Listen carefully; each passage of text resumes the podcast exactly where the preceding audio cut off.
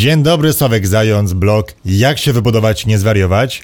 Jestem uśmiechnięty, ponieważ e, nareszcie skończyłem moją książkę. E, o tym będzie dzisiaj e, w podcaście i mam dzisiaj coś specjalnego, mianowicie pora, ponad 20-minutowy fragment mojego audiobooka, a dokładnie rzecz biorąc jednego całego rozdziału o tym, jak wybrać wykonawcę. Tak więc zapraszam do słuchania.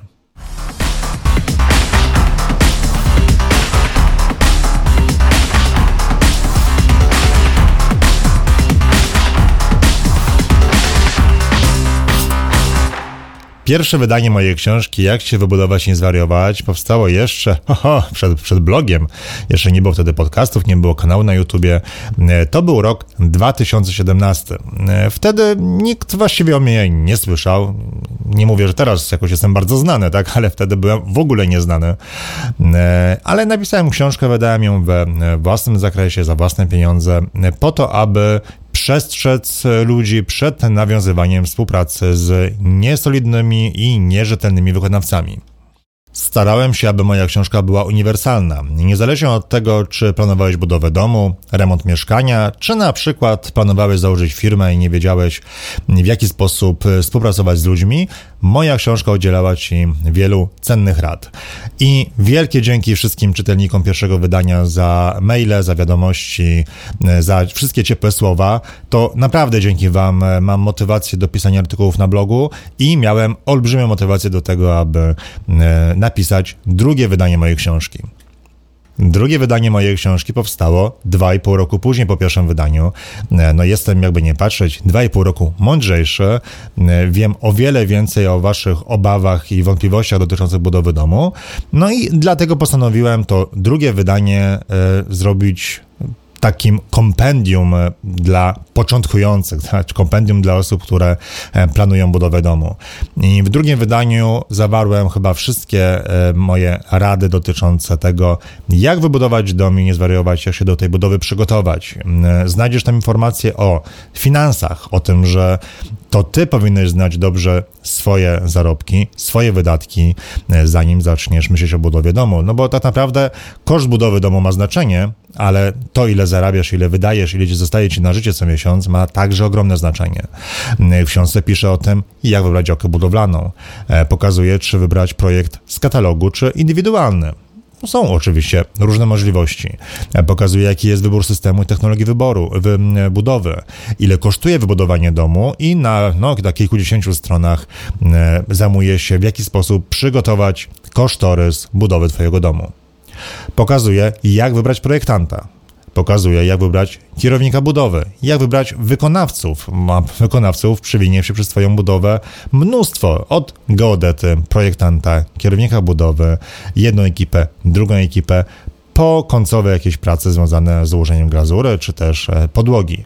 Mm, jeżeli budujesz się systemem zleconym, będziesz sam ekipy dobierał, to ta książka jest bezcenna tak naprawdę. Mm, e, tych wszystkich ludzi, którzy się przywiną przez twoją budowę, będzie no, pewnie z 20-30, tak, ludzi ekip. Mm, osób, z którymi będziesz rozmawiał, zanim tych, tych ludzi e, wybierzesz, to łącznie się przez cały czas twojej budowy przywinie pewnie 100 albo i 200, tak, no bo wiadomo, że trzeba porozmawiać z kilkoma wykonawcami, miejscami, zanim wybierzesz tego jednego. W związku z tym, e, no ta książka naprawdę e, jest mega pomocna. Pokazuje, jak negocjować z wykonawcami, pokazuje, jak do, podpisać dobrą umowę i co ta umowa powinna zawierać. Pokazuje także, jak sprawdzać wykonawcę, jak nawiązać współpracę z tymi najlepszymi. To nie zawsze najdroższymi czy też najtańszymi. To po prostu chodzi o to, żeby wybrać wykonawcę, który jest oczywiście na naszą kieszeń, ale jednocześnie, który jest dobry, rzetelny i nie będziemy sobie pluć w brodę, jeżeli e, no, okaże się właśnie, co, że coś jest nie tak.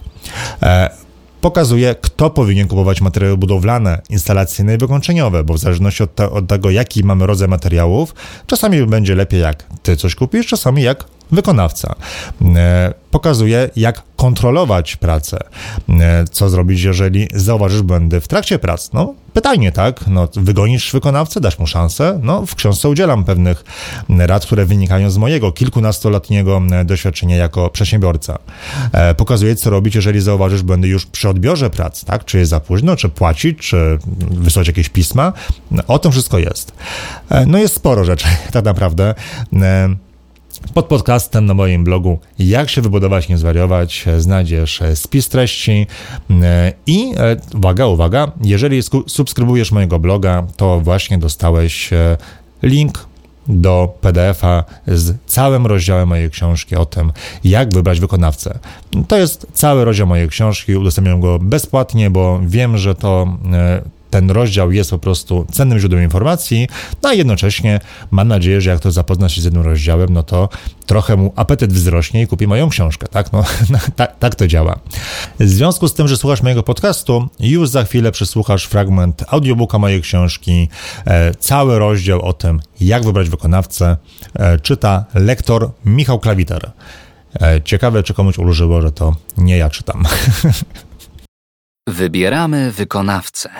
W poradniku bardzo dużo uwagi poświęcam niekompetentnym wykonawcom, bo wierzę, że dzięki moim radom będziesz współpracować tylko z najlepszymi. W kolejnych rozdziałach opisuję swoje doświadczenia zdobyte podczas współpracy z wykonawcami z wielu branż. Od kilkunastu lat prowadzę różne firmy. Na co dzień wybieram i ustalam warunki współpracy z wieloma osobami. Często, szczególnie na początku drogi zawodowej, miałem nieprzyjemności wynikające z nawiązania współpracy z kimś nieterminowym, niesłownym lub niekompetentnym. Od lat trzymam się pewnych zasad, dzięki czemu unikam nierzetelnych osób i firm. Zobaczysz, że większość rad jest uniwersalnych, a trzymanie się pewnych zasad pomoże ci wybrać zarówno dobrego glazurnika i hydraulika, jak i generalnego wykonawcę, inwestora zastępczego czy projektanta. Wybór odpowiedniego wykonawcy jest najważniejszą decyzją spośród tych, które podejmiesz podczas budowy domu. Niestety najczęściej wykonawcę wybiera się z powodu niskiej ceny lub dostępnych terminów. To duży błąd.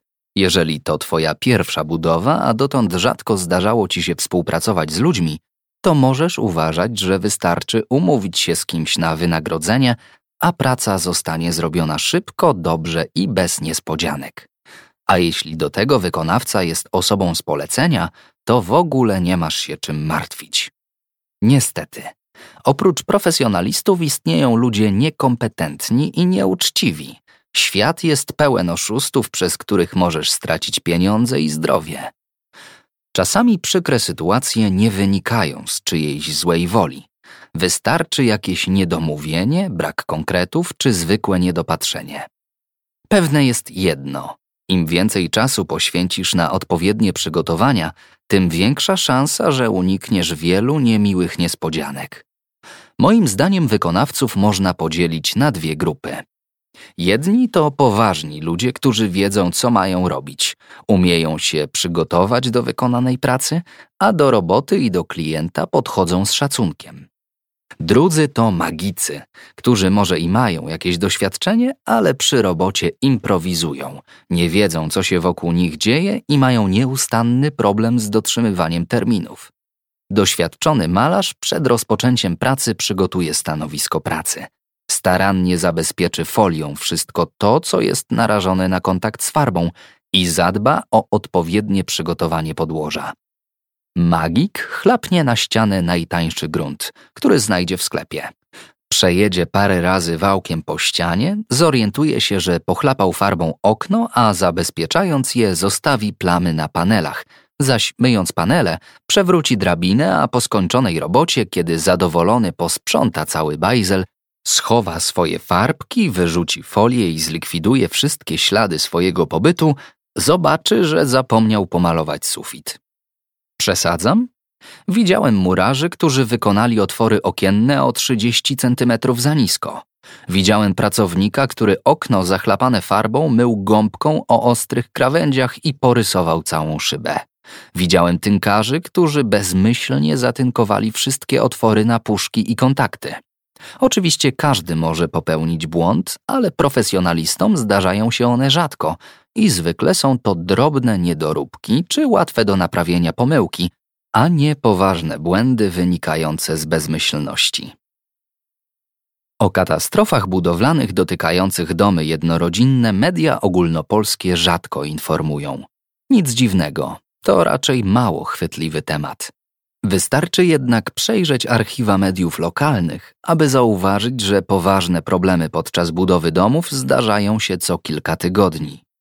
W marcu 2019 roku w Gródku w gminie Grybów podczas wylewania betonu zawalił się strop budynku. W czerwcu tego samego roku w podgorzowskim Łupowie runęły ściany szczytowe i strop nowo wznoszonego domu. Co spowodowało te katastrofy? Niefrasobliwość, brak kontroli, niestosowanie się do projektu budowlanego czy zły projekt? Niezależnie od tego, jakie były powody tamtych problemów, pamiętaj, że za każdym błędem stoi człowiek. Właśnie dlatego tak ważne jest nawiązanie współpracy z najlepszymi wykonawcami. Częstym problemem jest nietrzymanie się informacji zawartych w projekcie budowlanym. Wielu wykonawców traktuje projekt jako dokument bez znaczenia. Tacy pracują po swojemu. To kolejny wielki błąd. Projektant zna warunki gruntowe i wymogi związane z lokalizacją Twojego budynku. Projekt uwzględnia niezbędne obliczenia, które pozwalają na zastosowanie optymalnych rozwiązań. Tymczasem wielu wykonawców wie lepiej. Często inwestorzy przyjmują, że ktoś, kto pracuje w danej branży, ma odpowiednie doświadczenie i sprzęt pozwalające mu wykonywać swoją pracę. Przecież skoro pracuje w zawodzie kilka lat i utrzymuje się na rynku, to chyba musi być niezły. Niestety nie zawsze tak jest.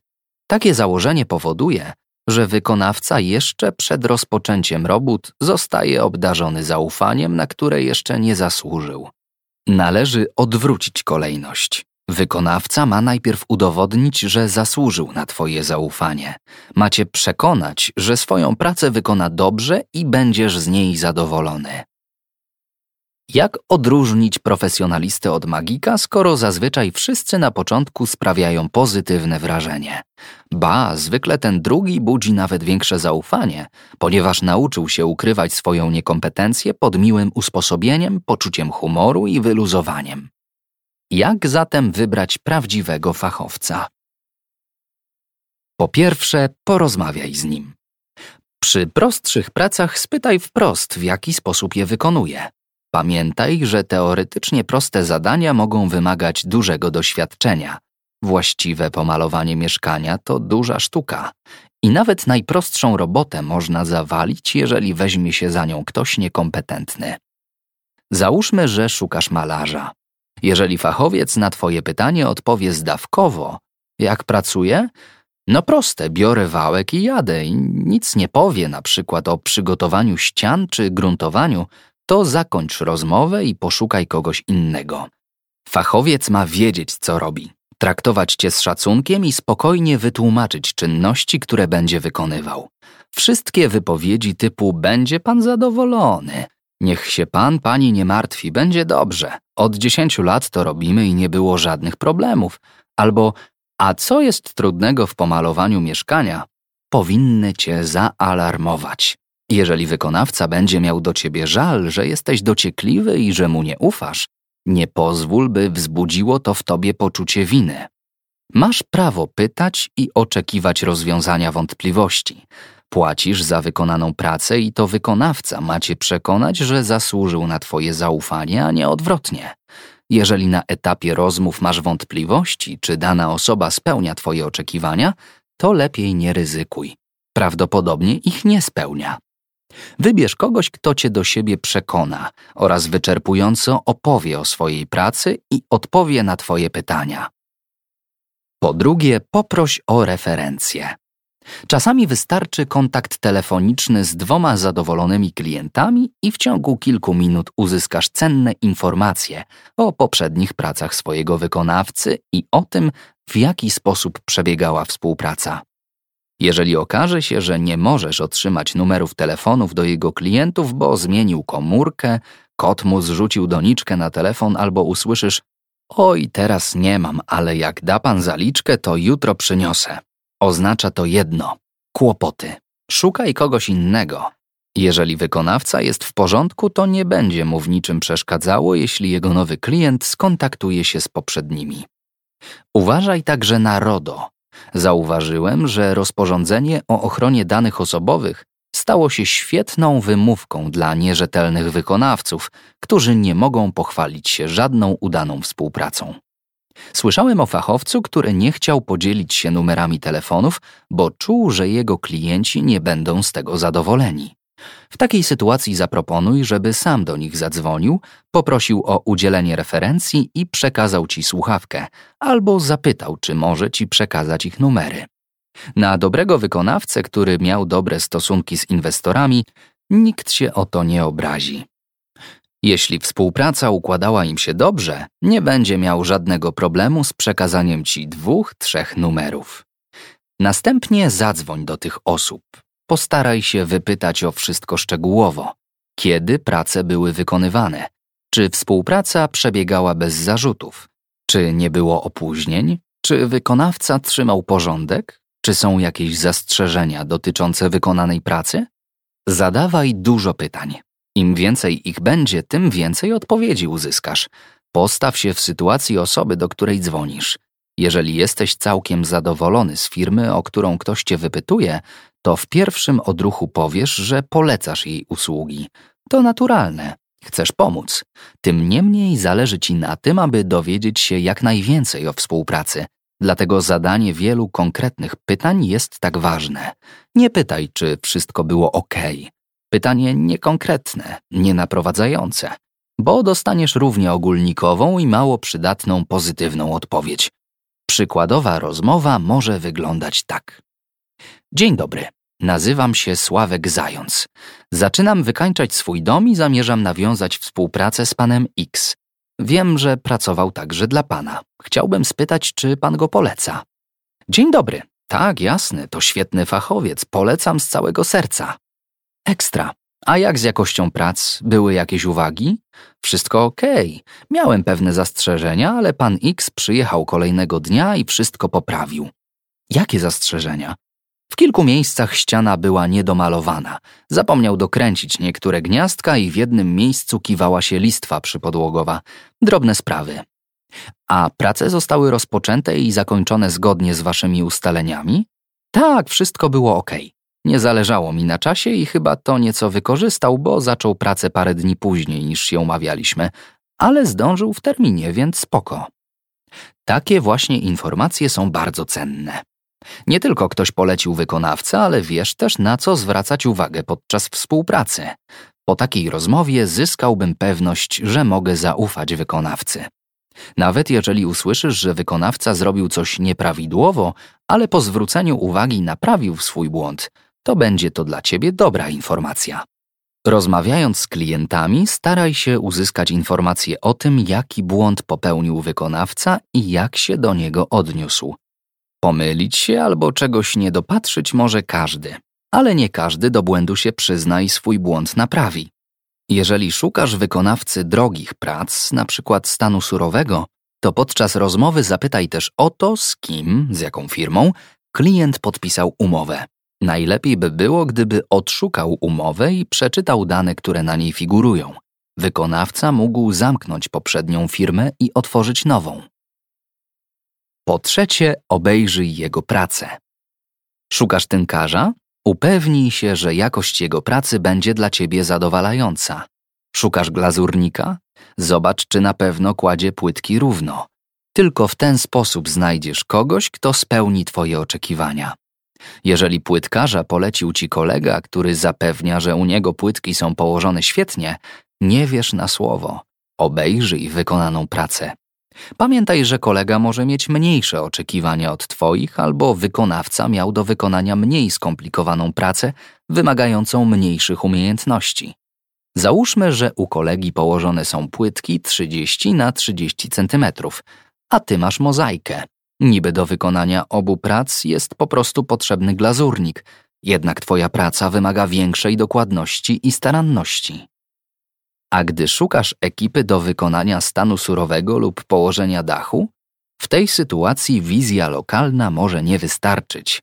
Jako laik, bez urazy, nie ocenisz, czy prace zostały wykonane prawidłowo. Najlepiej skontaktować się z kierownikiem budowy. Warto mu zapłacić, aby sprawdził jakość prac, bo ten wydatek szybko się zwróci.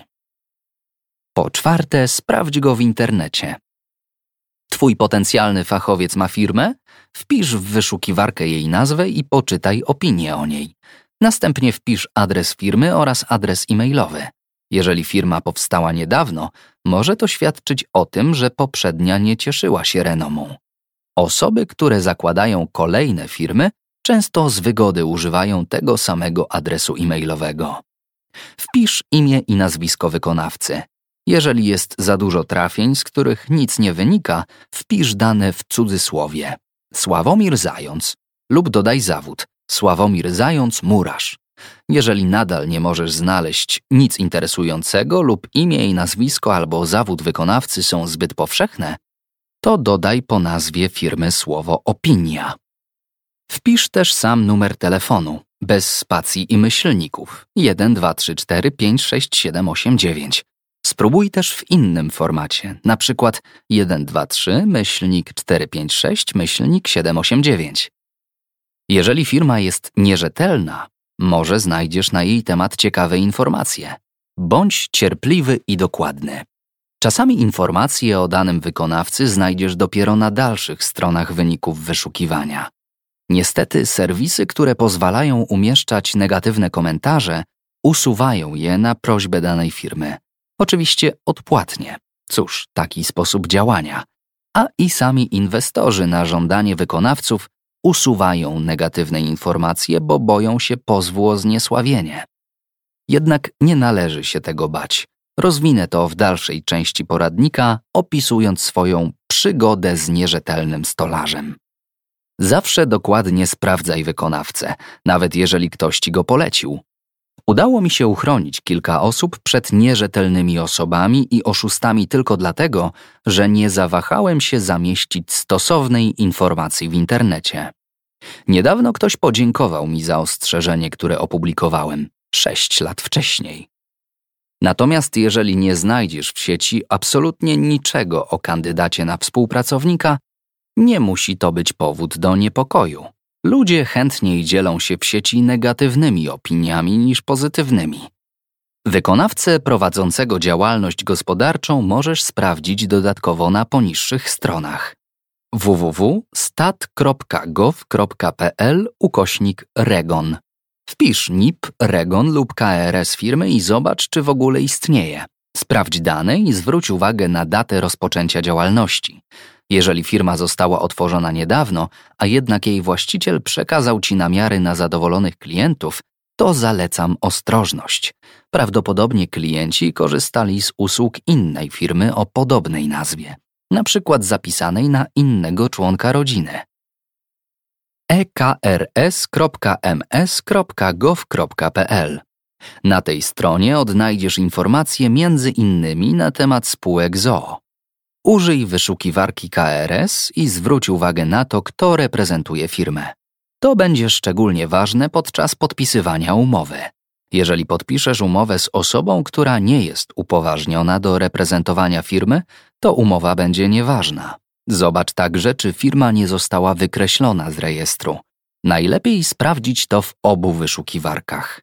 Jedna z moich firm, którą zamknąłem 4 lata temu, jest dalej aktywna według pierwszej wyszukiwarki i dopiero druga poprawnie pokazuje datę zamknięcia działalności www.podatki.gov.pl ukośnik wykaz myślnik podatników myślnik VAT myślnik wyszukiwarka. To wykaz zarejestrowanych płatników VAT, niezarejestrowanych oraz wykreślonych i przywróconych do rejestru VAT. Sprawdź firmę, upewnij się, że jest czynnym płatnikiem VAT i sprawdź numer rachunku bankowego. To także przyda się podczas podpisywania umowy. Nie umiesz wyszukiwać informacji w internecie? Poproś kogoś o pomoc. Po piąte, cena. Jeżeli wykonawca ma dobre referencje, obejrzałeś efekty jego prac i masz pewność, że jest dobrym fachowcem, to nie decyduj się na kogoś innego tylko dlatego, że jest tańszy. Wierz mi, nie stać cię na to. Skorzystanie z usług tańszego wykonawcy, który jednak nie do końca cię przekonuje, jest tylko pozorną oszczędnością. Nie obawiaj się też niskich cen. Niektórzy uważają, że niska cena oznacza niską jakość. To nieprawda. Jeżeli kupujesz bilet lotniczy za złotówkę, to oczekujesz zmęczonego pilota i miejsca stojącego podczas podróży?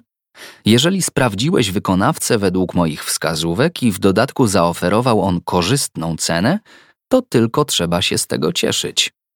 Jeżeli fachowiec, z którego usług chcesz skorzystać, zaproponował zbyt wysoką dla ciebie cenę, spróbuj z nim jeszcze porozmawiać i ponegocjować. O negocjacjach w dalszej części poradnika. Jeżeli jednak negocjacje się nie powiodą, szukaj dalej. Nie angażuj do pracy kogoś, kto cię nie przekonał. Pułapką jest myślenie, on może nie jest zbyt dobry, ale za to tani. Z drugiej strony uważaj na wykonawców, którzy są dobrzy, mają dobre referencje i bardzo niskie ceny. Bądź ostrożny. Może być w tym jakiś haczyk. Dobrze jest zacząć poszukiwania wykonawców od sąsiadów. Zobacz, które domy są stosunkowo nowe. Porozmawiaj z ich właścicielami. Spytaj, kto u nich wykonywał pracę. Jeżeli byli zadowoleni, to z przyjemnością ci pomogą. Proste rzeczy, prawda? Wystarczy porozmawiać, poprosić o referencje, obejrzeć poprzednie prace, ustalić cenę. To działa w każdej branży.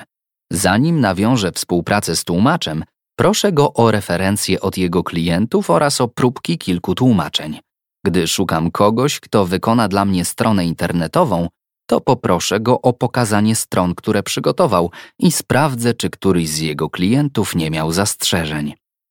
A jednak przy budowlance inwestorzy rzadko pytają o referencje i oglądają poprzednie prace.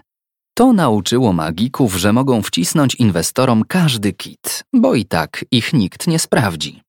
Pamiętaj, że osoba, z którą rozmawiasz, chce od ciebie pieniędzy, a osoby nieuczciwe powiedzą wszystko, abyś tylko skorzystał z ich usług. Mnie wprowadzili w błąd hydraulicy, którzy twierdzili, że mają duże doświadczenie, a okazało się, że będą montować kotłownię drugi raz w życiu. Dowiedziałem się o tym tylko dlatego, że zadzwoniłem do klienta, który był podobno bardzo zadowolony z ich pracy, a ten szczerze opowiedział mi o swoich doświadczeniach. Hydraulicy odwrotnie podłączyli u niego przepływowy podgrzewacz wody i najzwyczajniej w świecie go spalili. Dodatkowa rada dla osób, które postanowiły podjąć współpracę z generalnym wykonawcą. Pojedź do siedziby firmy albo tam, gdzie firma akurat wykonuje jakieś prace. Porozmawiaj z pracownikami, spytaj ich od jak dawna pracują w firmie.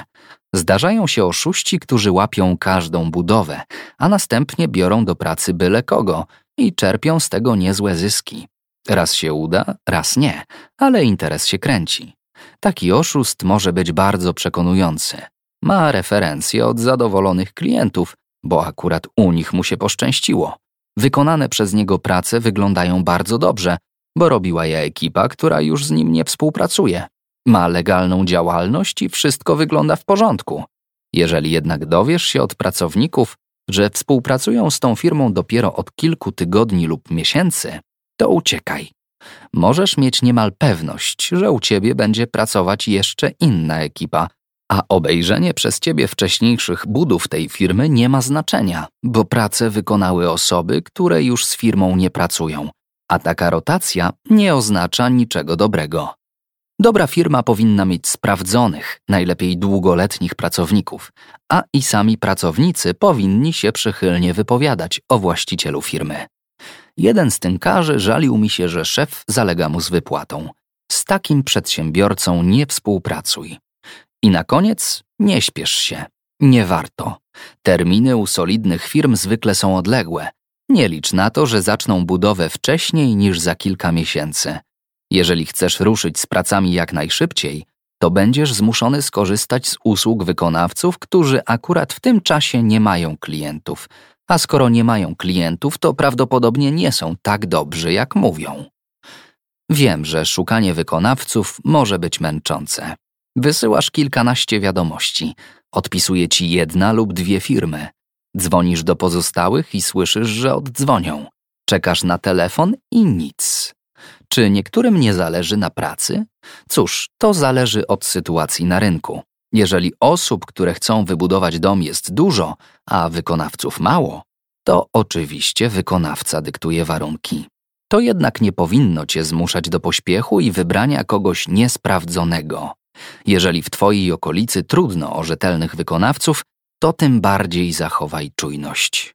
Rozważ też zatrudnienie wykonawców spoza swojej gminy lub województwa. Nie w każdej okolicy wykonawcy dyktują warunki. Jeżeli porozmawiałeś już z wykonawcą i jego klientami i widziałeś jego pracę, sprawdziłeś informacje o nim w internecie i jesteś pewny, że to osoba lub firma, z którą chcesz współpracować, to czas na negocjacje. O negocjacjach oczywiście w kolejnym rozdziale mojej książki. I e, ważna informacja. E, przede wszystkim, niezależnie czy kupisz wydanie papierowe, e-book e, czy audiobook, e, stworzyłem stronę, podstronę na moim blogu specjalnie dla moich czytelników. W kilkunastu miejscach w książce kieruję mojego czytelnika na tą podstronę, gdzie uzyska więcej informacji na różne tematy. Na tej podstronie kieruję do moich artykułów, arkuszy kalkulacyjnych, ale także dodatkowych materiałów, które nie są nigdzie dostępne. E, to jest podstrona, która będzie z czasem się rozrastała.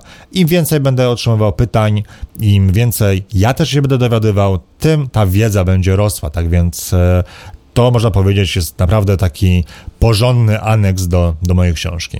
E, druga sprawa jest taka, że mm, jeszcze przez jakiś czas, nie wiem dokładnie ile, ale myślę, że na pewno jeszcze przez, e, przez kilka tygodni e, do każdej książki będzie dołączany artykuł Błędy w projektach.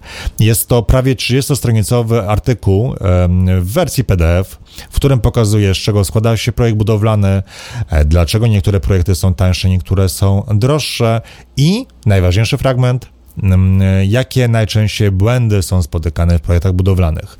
Kupa wiedzy mm, w założeniu to kiedyś będzie osobny rozdział mojej drugiej książki, ale prawdę mówiąc, zanim tą książkę napiszę i ją wydam, to minie podejrzewam z dwa lata, więc po prostu e, ten artykuł na razie dorzucam gratis do, do mojej e, książki.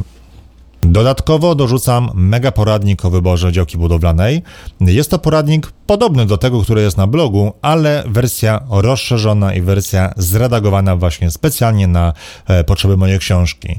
E, czyli tak naprawdę książka to nie wszystko, tych materiałów dodatkowych jest, jest sporo, a jeżeli komuś to nie wystarcza, to jest też możliwy zakup pakietu, który obejmuje nie tylko wszystkie wersje książki, czyli papierową e, e-book audiobook i wszystkie materiały dodatkowe, ale także dodatkowe szkolenie, budowa domu od A do Z. Szkolenie trwa prawie 80 minut. Jest to też szkolenie nagrane specjalnie na potrzeby e, drugiego wydania książki, którego nie znajdziesz nigdzie indziej. Wystarczy dołożyć tylko 20 zł do ceny książki i, i to szkolenie masz w zasięgu ręki. E, ku mojej satysfakcji starsza wersja tego szkolenia była kupowana bardzo często. E, w pewnej chwili więcej osób kupowało cały pakiet, ten najdroższy, niż niż książkę papierową. Tak więc mm, mam nadzieję, że e, ten nowy kurs, to nowe szkolenie budowa domu A do Z mm, będzie cieszyła się jeszcze większym zainteresowaniem. Wielkie dzięki. E, taki mówię, nietypowy podcast, no bo jednak przez większą część nie mówiłem ja.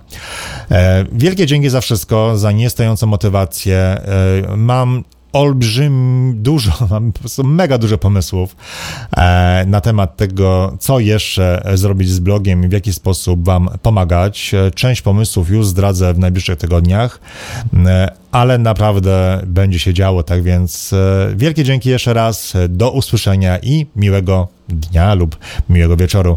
Pozdrawiam serdecznie, Sławek Zając, jak się wybudować i nie zwariować.